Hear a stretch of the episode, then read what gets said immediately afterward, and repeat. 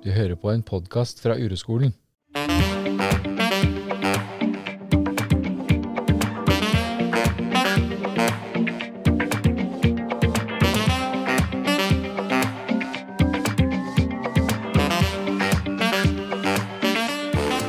Du hører nå på podkasten Helt sant med Siv Ekro og Kaspar Scheip.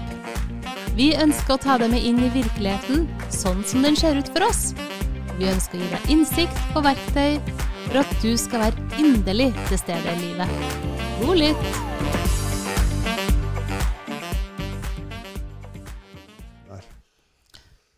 Supert, Kaspar. Ja. Da er vi klar for en eh, god prat. ja. Eh, I dag har jeg jo veldig lyst til å snakke om skolevegring Ja. som tema. ja, det er spennende.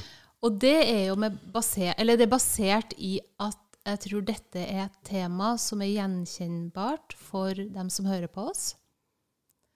Um, og jeg tror det er mye læring både for foreldre og for alle rundt som ønsker å hjelpe til. Mm. Um, så baserer vi dagens episode uh, på et lytterbrev vi har fått. Det syns jeg er jo veldig hyggelig. Ja, det er hyggelig. Så da skal jeg starte med å lese det, Ja. og så tar vi det derfra. Ja.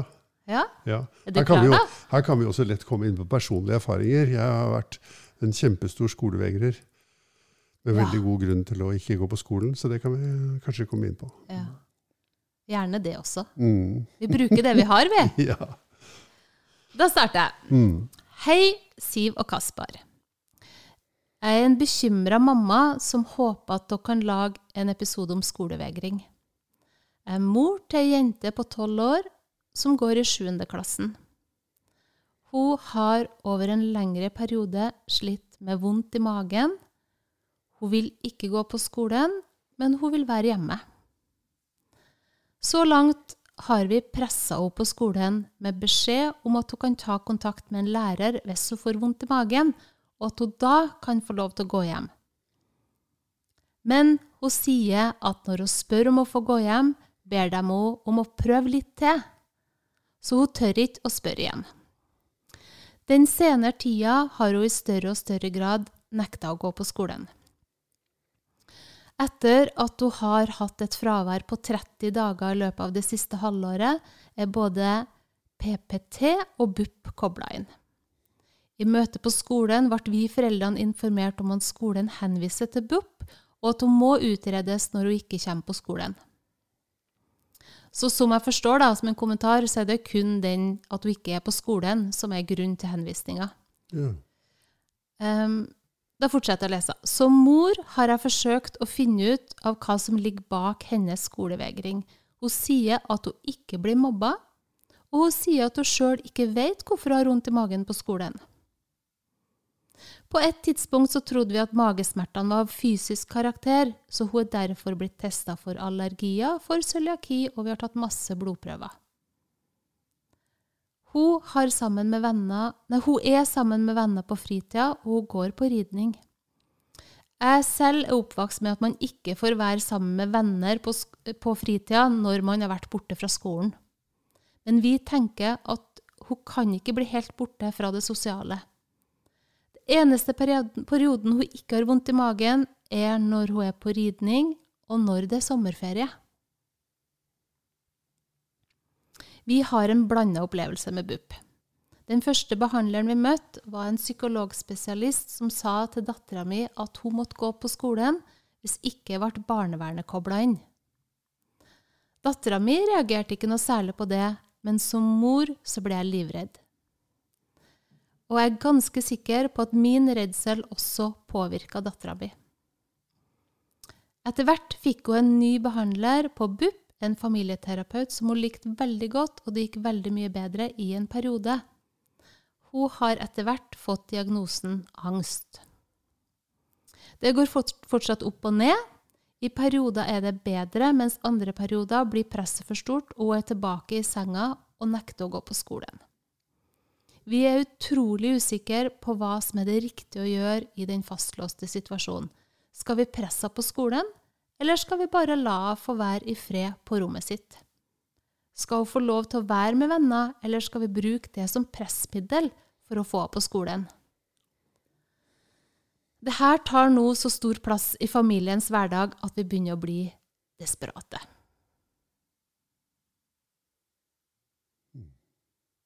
Det var en veldig, veldig fin beskrivelse av en situasjon Mm.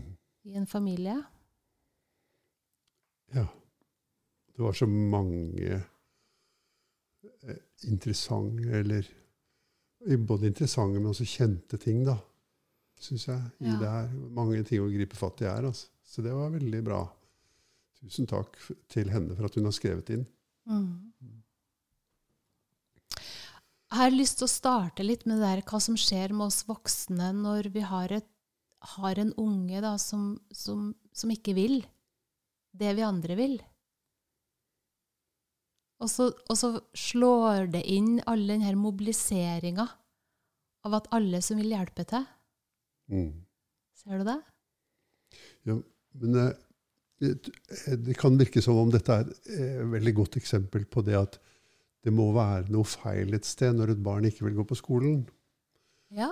Og at hun så å si blir den naturlige som skal utredes for det som er feil. Altså, det er hun som er bærer av symptom, eller bærer av Det er hun som er bærer av feilen, kunne vi si.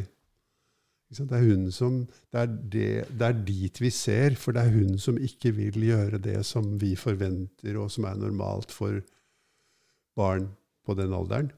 Ja, og jeg tenker jo også at Mm. hvis du hadde spurt de ulike voksne som var involvert, og til og med ungen sjøl, Mm. så ville eh, man pekt i retning av den ungen. I forhold til hvem, hvor er det noe feil her? Ja. Det er naturlig å ta tak i det. Liksom. Jeg tror det er en stor enighet om det. Ja, det er, det er liksom det er helt naturlig og helt selvfølgelig at vi tar fokus dit. Det må jo være en eller annen som gjør at hun ikke vil gå på skolen. liksom. Ja. Mm. Og så, som det står i brevet, eller som mora sier, så begynner man å prøve å finne ut hva er det som er feil. Mm. Og spør barnet om hva er det som er feil. Mm. Blir du mobba? Mm. Hvorfor har du vondt i magen? Mm. Og så har man kommet frem til at det som er feil, er at hun har angst. Og det har fått et navn. Nå heter det Hun har en lidelse, en psykisk lidelse som vi kaller for angst. Mm. Og da har hun jo fått eh, bekreftet at det er noe feil med henne, da. Mm. Så Og det utløser jo også ressurser. Ja, det, utløser, det er slik hjelpeapparatet fungerer, at det utløser ressurser i det øyeblikk man har fått en diagnose. Mm. Mm.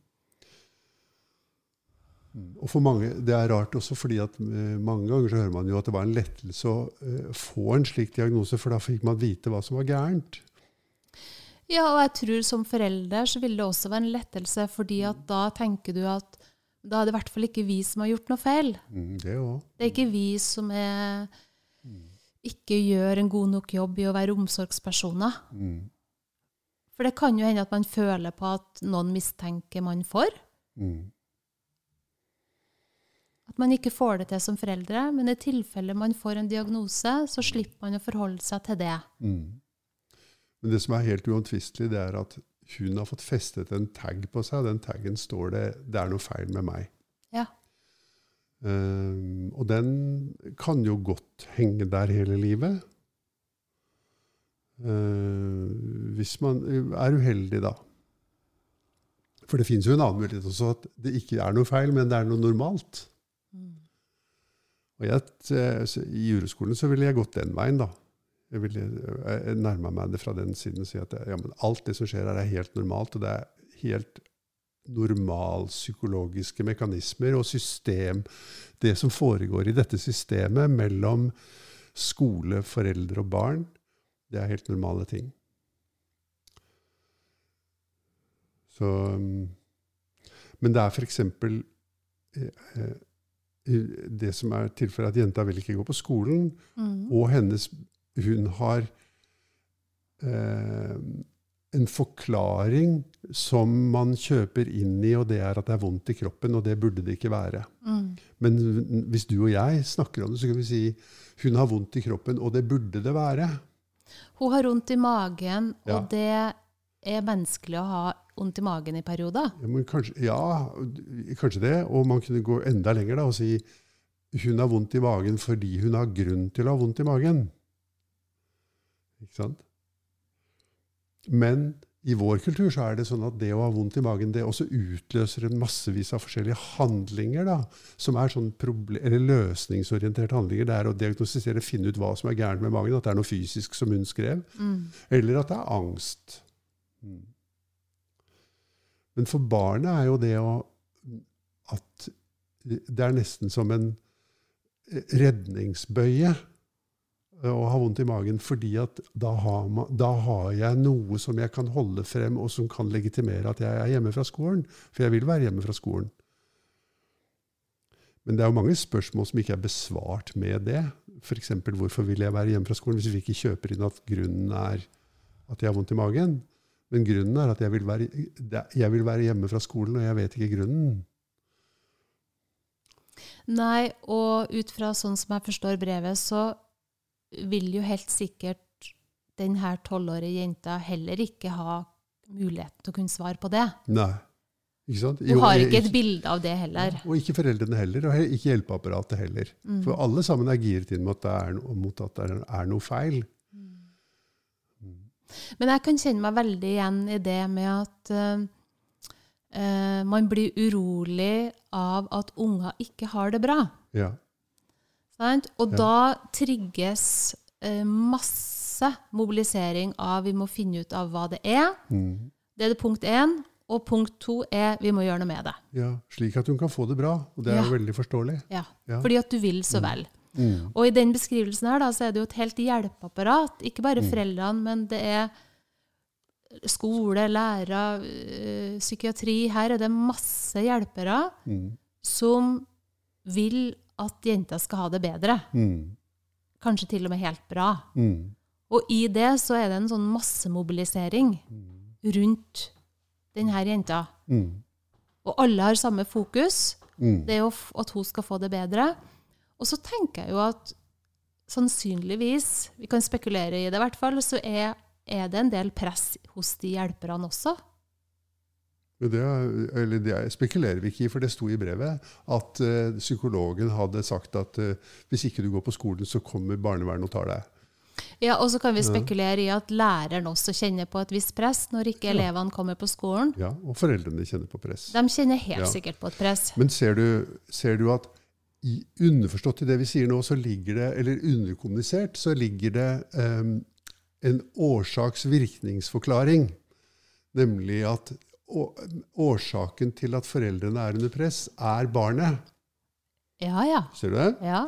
Ok, Så kan vi si eh, kan vi stoppe litt der og så bare si hvorfor er det så viktig for et barn å bli årsaken til det presset de voksne omgivelsene føler?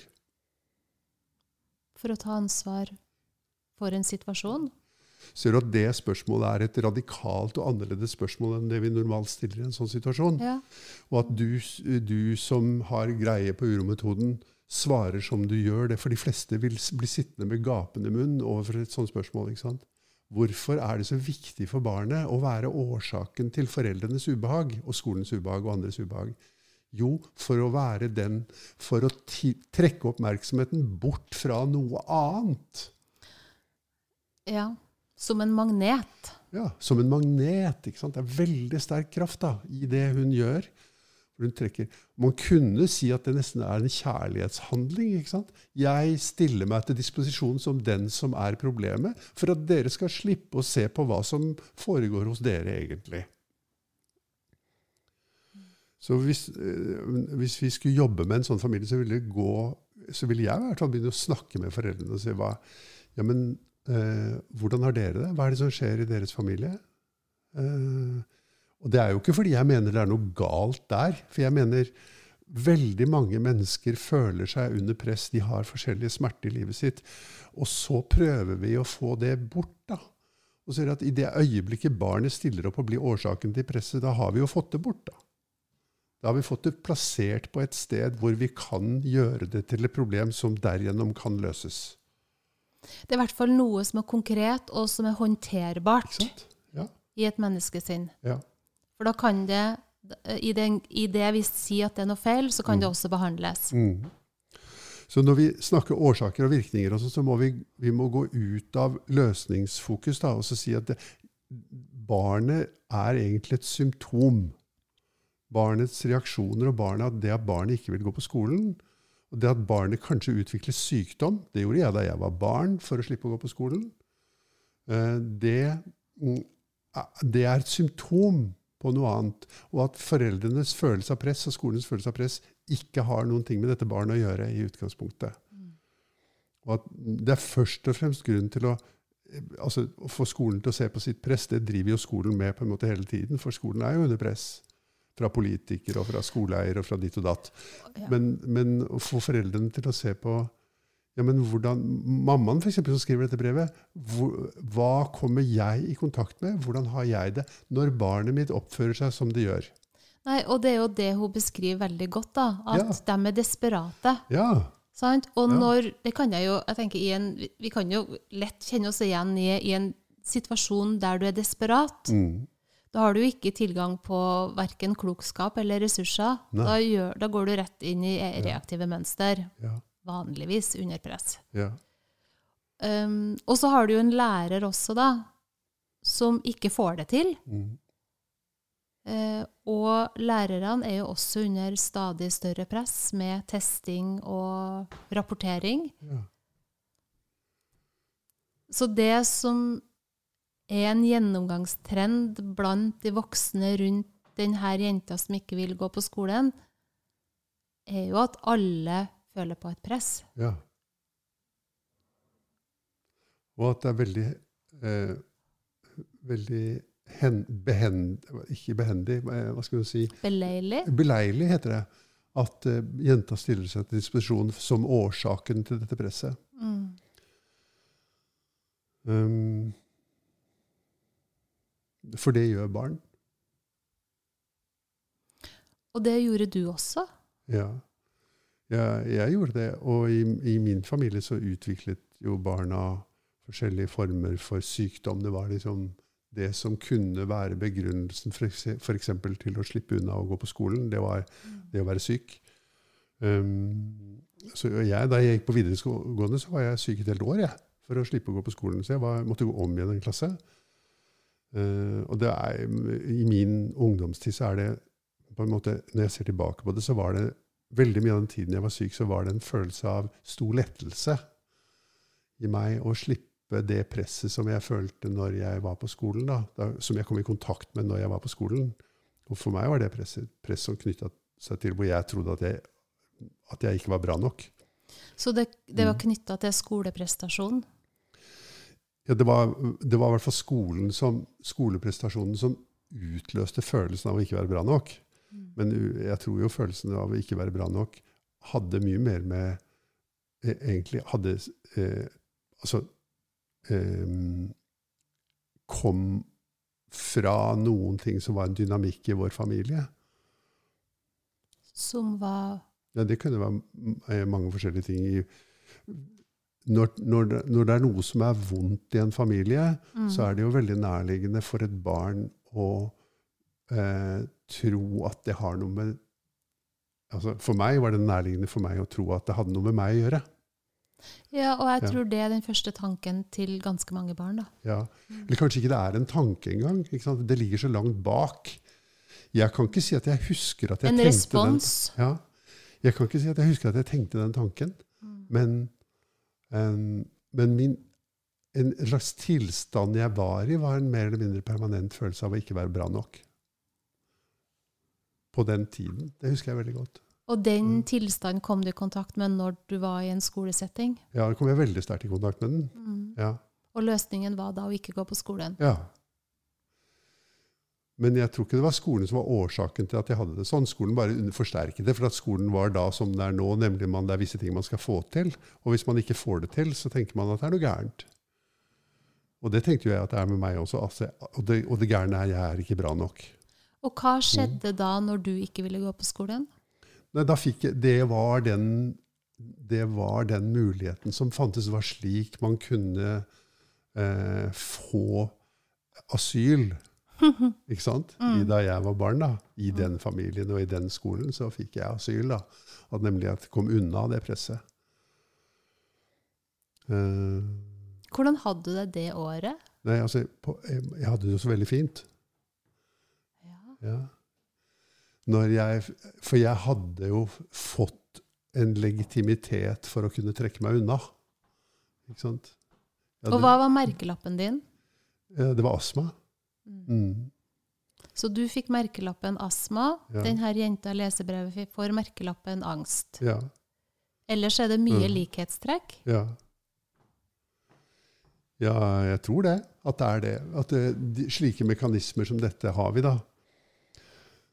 Um, og, så, og det var jo når, Da jeg var syk, da, for jeg var jo syk, jeg hadde astma, um, og jeg var veldig utsatt for infeksjonssykdommer og sånn, men det var ingen som spurte meg i det store behandlingsopplegget som ble rullet ut eh, da, til og med da. Som, det er jo så lenge siden. ikke sant? Det er 55 år siden. Um, det var ingen som spurte meg hvordan har du det egentlig? Hva er det som skjer med deg? Ja? Liksom, altså, det var som det var jo mange som gjerne ville spurt om det, men man visste ikke hvordan man skulle spørre. Og jeg visste jo heller ikke hvordan jeg skulle svare på det spørsmålet. Jeg kunne vel ikke svart på det noe annet enn å si jeg har det fint så lenge jeg får være hjemme. Jeg husker liksom den følelsen av frihet når de andre var på skolen, og når de andre var på jobb. Når foreldre og søsken var på skole og jobb, så var det som en enorm frihet liksom, i å kunne tusle rundt og gjøre ting eller ikke gjøre ting. Ja. Men du kjente ikke da på et utenforskap fordi at du ikke var på skolen? For jeg tenker du kunne ha slått andre veien. At du faktisk ikke hadde det noe bra, fordi Ja. at du var ikke en del av et stort samfunn, da. Men det var jo helt riktig, det. Og det var der, det også. Ja. Det, og, men det var lettere for meg å koble ut det. Liksom. Den fjernheten den gjorde at jeg, eh, jeg mistet kontakten med følelsen av å miste det fellesskapet. da. Det var sterkere krefter i meg som trakk meg vekk fra det. Mm.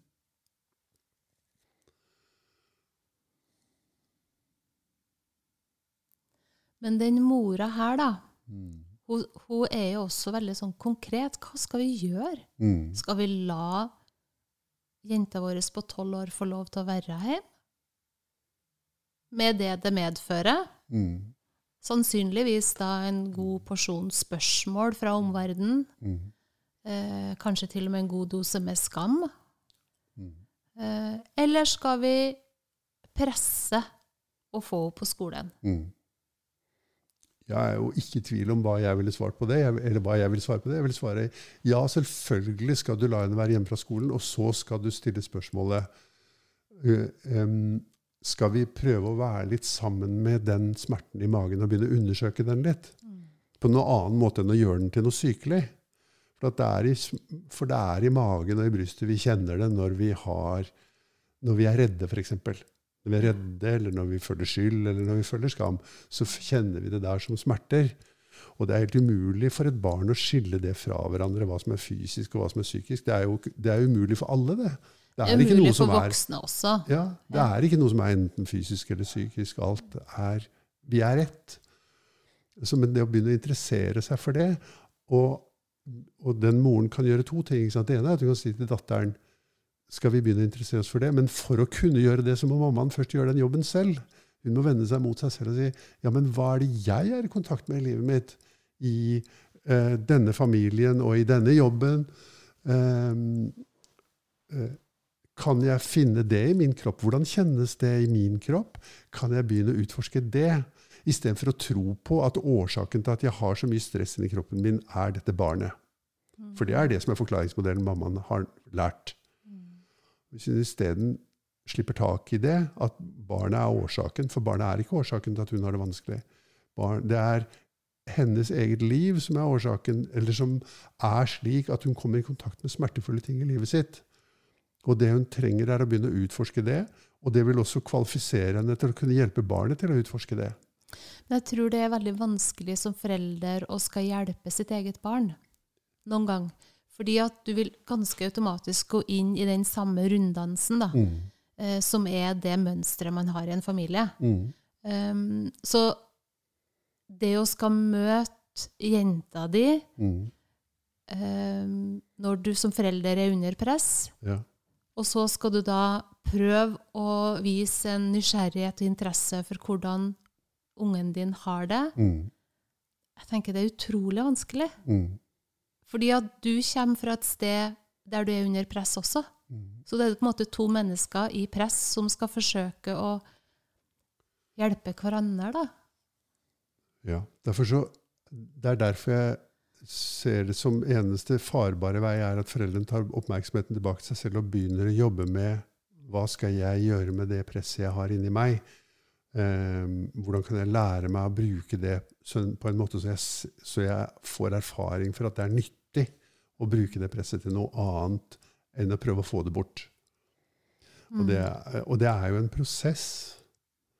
Som, som, men som, det er en prosess som ligger som en mulighet for alle mennesker, men det er ikke mange mennesker som har lært den. Og det er jo derfor du og jeg sitter her og holder på med den podkasten, fordi at vi mener at dette er en prosess som folk kan lære. Under veiledning kan man begynne å undersøke sitt eget press istedenfor bare å forklare det. Men det er ikke noe rart jeg føler meg under press, for det er noe gærent der borte. Eller det er noe gærent med meg. Det kan jo like godt være. Nå er det at man, vi tror at det er noe gærent med oss selv, det er jo en helt allmenn ting. Det er ikke, er ikke sånn at noen mennesker ikke tror det er noe gærent med dem. Alle mennesker tror det er noe gærent med dem. Kanskje ikke, det, det er sikkert grader av det, men det å ha skam er en felles menneskelig erfaring og en felles menneskelig tilstand da, som kommer og går i oss. Og den skammen kjennes jo som vondt i magen. I hvert fall gjør jeg det. Når jeg skammer meg, så kjenner jeg som vondt i magen. Vondt i kroppen. Brystet. Dårlig samvittighet det Ja. er også vondt i magen. Kanskje litt stiv nakke, Ja. vondt i hodet. Ja. Men det er fysisk. Det kjennes som, det kjennes som noe fysisk. Det kjennes som noe fysisk. Ikke sant? Det kjennes som noe som er i kroppen, som noe manifest i kroppen. Det er ikke, det er ikke en sånn eh, mambo jumbo. Altså det er ikke noe sånn derre eh, noe åndelig ved dette her, eller noe sånt. Det er bare det at vi har vondt i kroppen. Det er der vi har vondt. Ja. Sant? Så, det å, så vi holder på å lære bort hva skal jeg gjøre når jeg har vondt i kroppen, annet enn å prøve å få det bort. Jo, jeg skal begynne å være sammen med det fordi det har noe å si til meg. Det er en slags kroppslig beskjed til meg om at hei, hei, hei, se på meg, jeg har noe å si til deg. Og hvis du er veldig vennlig og veldig tålmodig og eh, åpen og sårbar, så kommer, du, så kommer jeg til å fortelle deg den hemmeligheten. Og da kommer livet ditt til å bli bedre, det kommer til å bli større, du kommer til å bli større, du kommer til å få tak i ting som du kommer til å bli veldig glad for at du finner.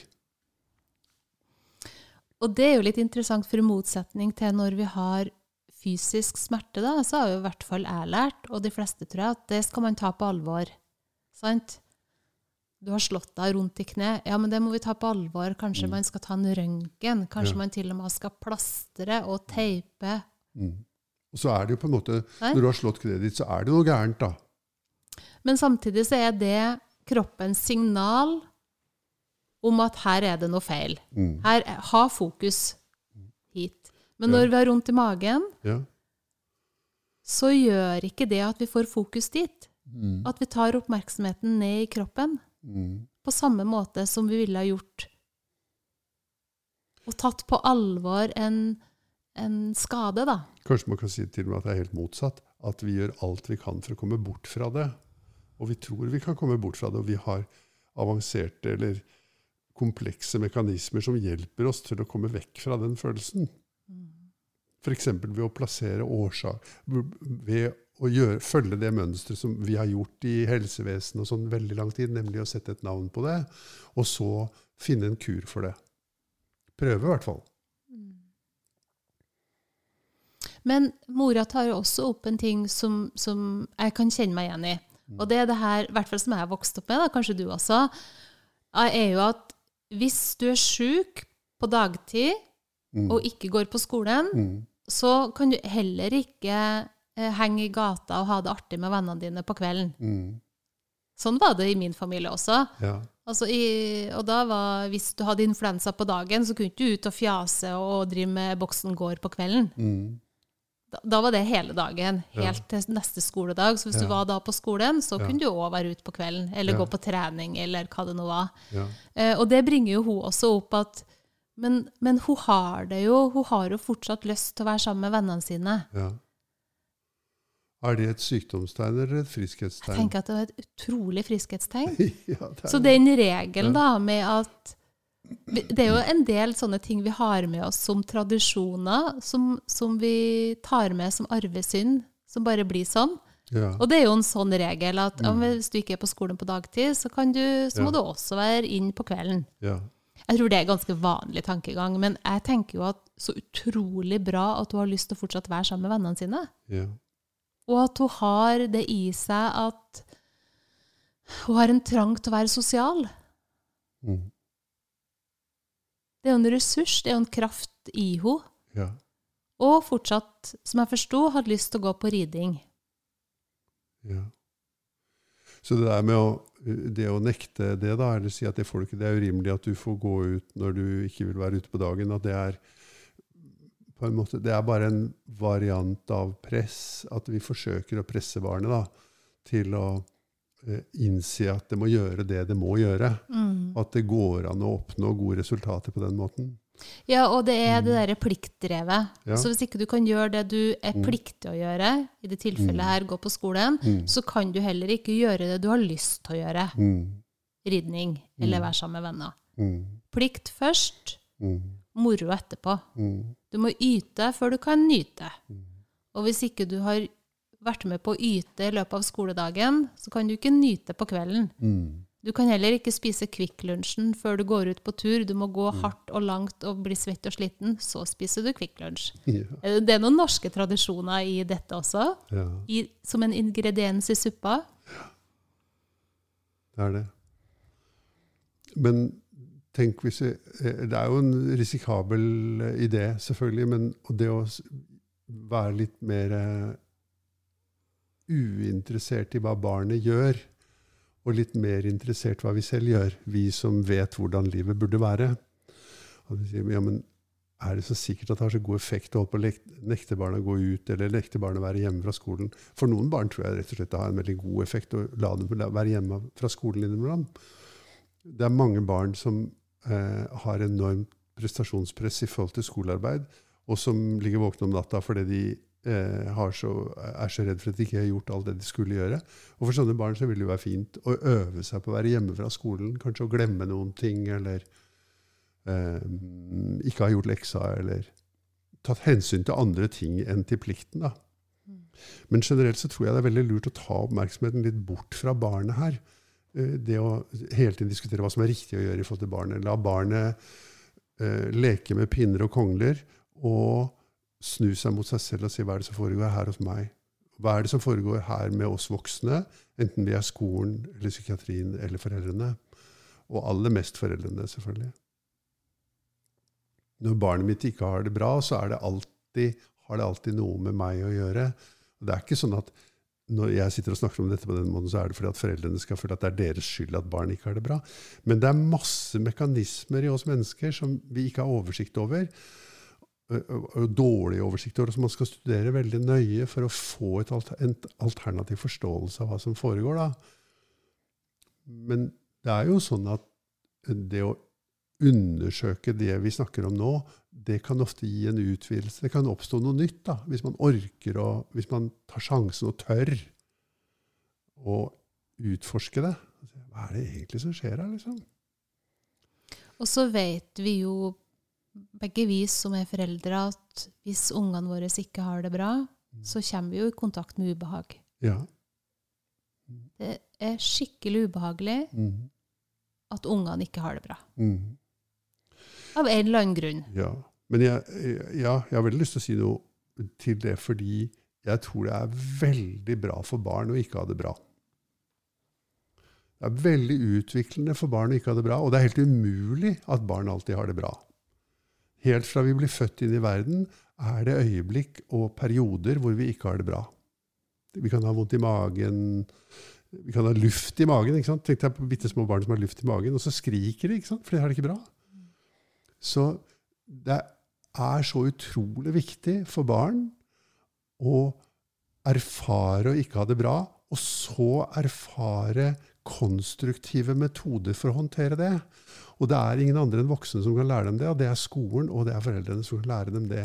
Og hvis skolen og foreldrene skal kunne lære barna det, så må de jo kunne det selv. Er Ikke må de bare kunne det selv, men de må også kunne ivareta seg sjøl først. Da. Ja. Ikke sant? Det er det jeg mener. Ja. Det er akkurat det. At det handler ikke om boklig kunnskap, dette her. Det handler om personlig erfaring. Så f.eks. hvis barnet ditt har blitt mobbet, da. Det er jo et eh, eksempel som ikke er tilfellet her, ifølge det brevet. Men eh, at barnet eh, kommer hjem og har blitt utsatt for noe på skolen. Hvor mange av oss er det som klarer å stoppe opp der, istedenfor å ringe til rektor eller ringe til foreldrene til det barnet som har vært slemt, eller lavere teater rundt det, som du klarer å stoppe opp og si Kan vi være sammen når du har det sånn? Kan vi la det få litt tid? Se hva er det egentlig du kommer i kontakt med? Kan du føle de følelsene du har? Kan du gråte de tårene du har? Kan du være med denne virkeligheten som har oppstått nå, istedenfor bare prøve å komme vekk fra det? Og det er ingen foreldre og lærere som kan gjøre den jobben med barn uten å kunne gjøre det med seg selv. Så jeg tror kanskje det er det aller viktigste her. da, For hvis eh, denne mammaen som har skrevet til oss, går til barnet sitt og sier 'Jeg skjønner at du har vondt i magen. Jeg vil være sammen med deg når du har vondt i magen. Vil du være sammen med vondt i magen?' Vi bare blir her litt, vi. Istedenfor at vi prøver å fikse alt. Istedenfor at vi kjøper inn i at det er barnet som er problemet. Men så er det jo da sånn altså det, det høres liksom enkelt ut i teorien, men da kan det òg være sånn at ungen eh, for det første ikke har noe særlig språk for det, vondt i magen. Og for det andre syns det er for vanskelig da, å gå inn i det. Ja, Um, Det må jo være det er så fint. sant? Ja, Fordi at fint. det å Mm. nå skal vi gjøre det, kanskje det bare legger enda et press. Mm. Og at ikke bare det har jeg vondt i magen, men nå skal jeg faktisk også begynne å forklare med ord hvordan vondt i magen jeg har, og jeg skal til og med kjenne i kroppen hvordan det kjennes ut. tenker jeg Det blir enda mer ting her. Mm. Så det, der ser du, setter du fingeren på noen ting som er veldig vanlig, nemlig at vi tror at det som er greia, er at vi skal snakke om det. At det er noe gærent et sted, og at vi skal finne frem til Og så skal vi snakke om det, og så skal det bli bedre. Og så er det ikke det jeg snakker om. Det er eh, Å være sammen med vondt i magen handler ikke om å snakke om hva det kommer av, eller hvorfor jeg har vondt i magen. Og veldig mange barn føler press på det, og de blir spurt også. Ja, men hvorfor har du vondt i magen? Det må jo være noe galt et sted. Men det Og det kan de ikke svare på. Nei. Veldig ofte. Ja. Og, og det er jo, det kan ikke jeg heller svare på enn da jeg er 70 år, liksom. Når jeg har vondt i magen. Så er det ofte veldig vanskelig for meg å gjennomtrenge det og forstå hvorfor jeg har vondt i magen. Men, men jeg kan gjøre noe annet som ikke handler om å tenke rundt det i det hele tatt. Og det er å være sammen med det. Det er å ha, være oppmerksom, ha oppmerksomheten min rettet mot det ubehaget. Ikke mot forklaringen på ubehaget, ikke historien om hvordan ubehaget eh, eh, oppsto, men i den enkle, rene erfaringen av hvordan ubehaget er i kroppen. Og foreldre som kan stoppe den der 'ja, men hvorfor er virkeligheten sånn?' og isteden gå til 'la oss være sammen i den virkeligheten vi har', de har jobba med seg selv. Det er noe av det vanskeligste som fins for alle mennesker. Det er å være sammen med virkeligheten sånn som den er, uten å begynne å analysere den og prøve å fikse den. Når den er smertefull. Når den er god, så er det jo ikke noe problem. Det er jo litt det vi har snakka om i tidligere podkastepisoder, det her med forskjellen på å tenke rundt følelser og føle følelser. Ja. Og at å føle følelse er en fysisk, kroppslig opplevelse og erfaring. Mens å snakke om følelser genererer tanker Mm. rundt følelser, som er noe vi holder på med oppe i kommentatorboksen i, i hodet. Ja. Ja, det Men er i høy grad grad du det. du er eh, Eller det du snakker om når um, Det å bruke pusten, Mm. det tror jeg kan være lærerikt og nyttig. Mm. Sant? At du refererer til at pusten er verktøyet vårt til å få kontakt med magen. Mm. Det er et fint hjelpemiddel. Dette har jo med troverdighet et barnets tillit til de voksne å gjøre, tror jeg. Og jeg tror at du kan ikke lure et barn. da. Og at det eneste som gir deg autoritet i forhold til barnet ditt, er at du faktisk har vært ute en vinternatt selv og hatt vondt i magen. Og at du kan bruke pusten selv. Det å prøve å lære barnet ditt dette ut ifra en slags sånn overfladisk forståelse, det, det funker ikke. Det ingen, det gir, barnet får ikke tillit til deg. Det som gir barnet tillit til deg, er at du våger å bli ved din egen smerte. Og at du våger å puste inn i din egen kropp. Og kan formidle det med veldig få ord. Og at du våger å ikke stille det spørsmålet 'Hvorfor har du det sånn som du har det?' men isteden våger å henge i, den, i det som er ukjent. Altså i, og helt uavklart. Ja, og ikke vite. For det, her, det er jo det som er tilfellet for barnet. At det ikke vet. Og at alle andre sier 'hvorfor, hvorfor'. Og at sinnet vårt er sånn. Og det å gå på tvers av det mønsteret. Det er noe som kan utvide oss. Og jeg tenker Det som er viktig å understreke også, da, er jo at ungen først har en følelse av å ikke få det til. Det er noe feil her. Ja. Og når jeg i tillegg ikke kan fortelle de voksne hvorfor jeg har vondt i magen, så blir det et tilleggsbyrde. Mm. som Ja, ofte kommer i form av skam, som Ja. kapsler Ja. inn. Det er noe feil med meg, og så får man et nytt lag med skam rundt det. For ikke nok med at det er noe feil med meg, eh, det er også sånn at jeg ikke vet hvorfor det er noe feil med meg. ja, Jeg kan ikke forklare det. ja.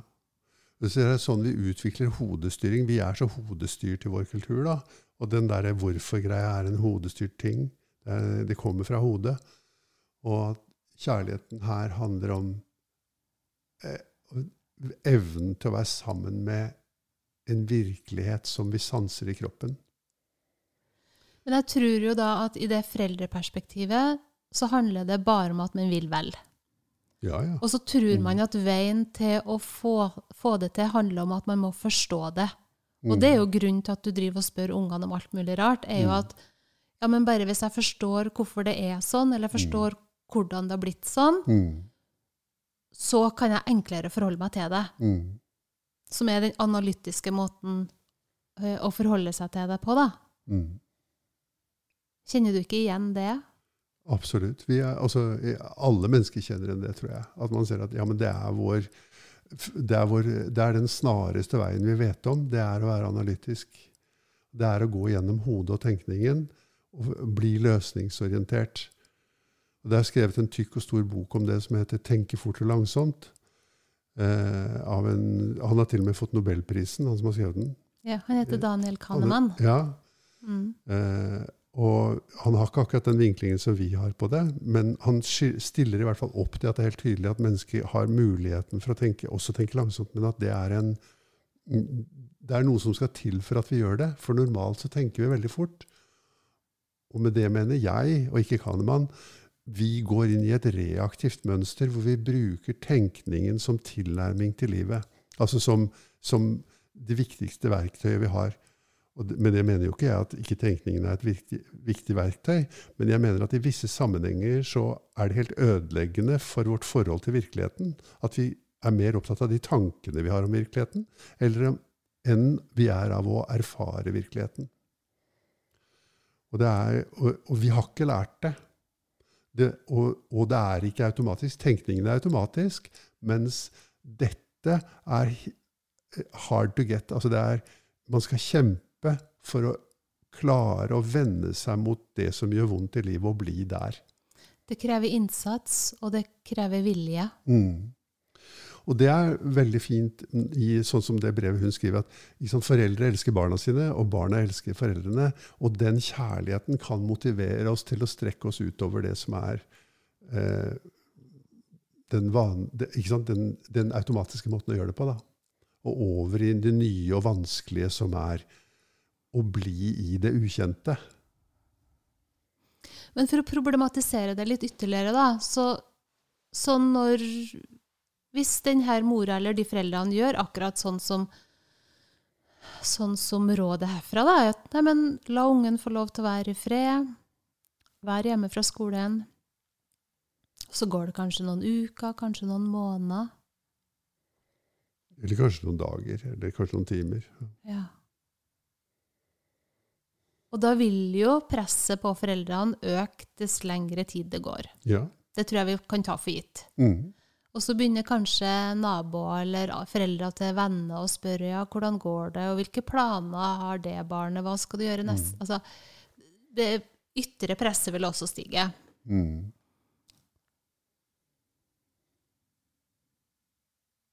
Og da blir jo det eneste foreldrene kan gjøre, er jo å stå i det. Ja. Og det Det er jo- det er et stort press å stå i. ja.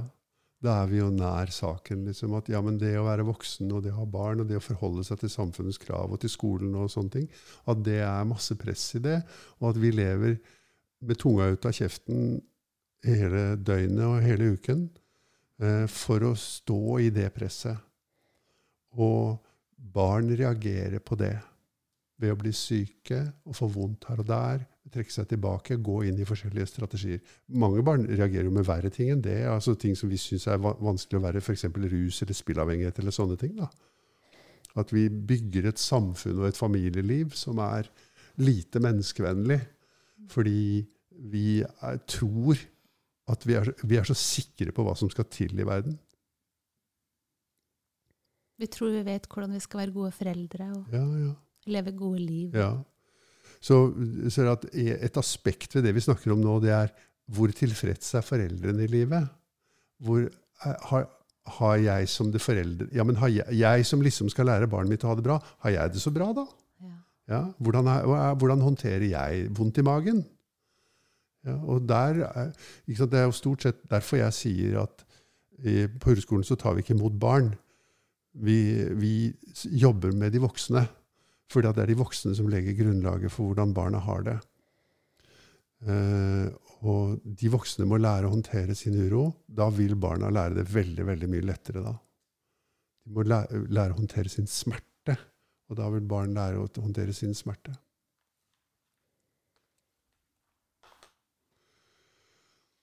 Jeg, nå husker jeg ikke uh, andre aspekter som var i det brevet der, men, men eh, barn, hvert fall hvis jeg oppsummerer det for meg, så handler det alltid om at barn er symptombærere for voksnes problemer. Og det der med hvordan skolen er og hvordan samfunnet er innrettet, det er voksnes problemer. Og det er vi voksne som lager et samfunn sånn. Jeg tror ikke akkurat vi gjør det med vilje, men det blir noe sånn, da. Og vi må se det i øynene, at vi bygger et samfunn som har veldig, veldig mye press i seg, og som krever sterkere og sterkere virkemidler for å komme ut av presset. F.eks. alle mulige symptomer som barn utvikler, da, som vi strever så veldig med, og som vi kaller syke. Som spiseforstyrrelser, som depresjoner, som angst, som vondt i magen, som skolevegring, som rusmisbruk, som spillavhengighet, som eh, voldelighet, kranglethet, konflikter. Det er uendelige ting å ta av. ikke sant? Jeg sitter og føler på at den her mora som skriver inn til oss, hadde sikkert håpt på et svar som handla om en løsning. Ja. Sant? Hvordan skal jeg, For hun spør jo hvordan skal jeg fikse dette? Ja. Hun skriver jo vi er desperate. Ja. Hva gjør vi nå? Ja. Og så gir vi henne et svar i form av den refleksjonen vi har hatt i denne episoden her, da, som handler om at hun må gå mot det som er mest unaturlig. Mm. Hun må bruke en veldig stor innsats og en veldig stor vilje, og det er en stor jobb som står foran henne. Og det er å gå inn i seg selv og se på hvordan har jeg det i livet mitt. Hvordan takler jeg vondt i magen? Og ingen quick fix. Mm. Og da kan hun jo komme til oss, for jeg, henne tar jeg gjerne imot. Mens eh, barnet syns jeg heller vi kan bare ha litt fri. Få en pause. Ja. Det er veldig fint. Ja, altså, det er jo ikke noe som er bedre enn at det er godt for barn å gå på skolen. At, eh, at det er sånn. Men det kommer aldri til å bli bare godt for barn å være på skolen. Fordi at, eh, det kommer aldri til å være, bli bare godt for barn å være hjemme i familien heller. Mm. Man møter smertefulle ting i livet sitt allerede som barn. Sånn er livet. Ja. Og det er helt sant. ja. I dag så har jeg lyst til å avslutte med noen ord av Per Fugelli, vår tidligere rikssynser. Mm. og sosialmedisiner. Ja. Når vi tar pynt og maska av, og når vi lander i livet, så oppdager vi at livet er med flekker og med feil. Så oppdager vi at livet er med svakhet og med styrke. Så oppdager vi at livet er med avmakt og med håp. Så oppdager vi at livet er med kriser og med seire. Sånn er det nakne og ekte livet.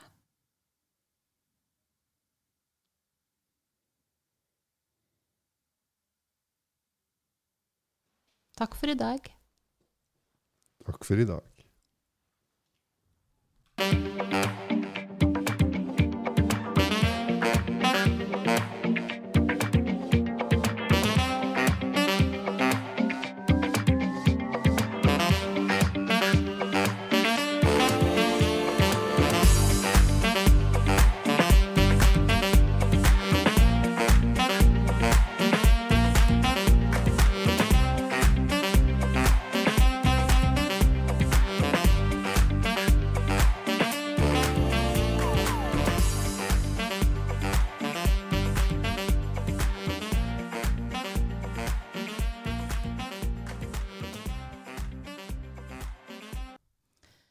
Du har nå hørt på podkasten Helt sant.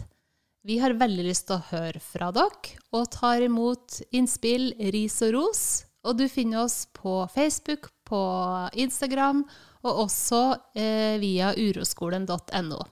Der kan du få tak i oss på siv.uroskolen.no eller kaspar.uroskolen.no. Vi prates!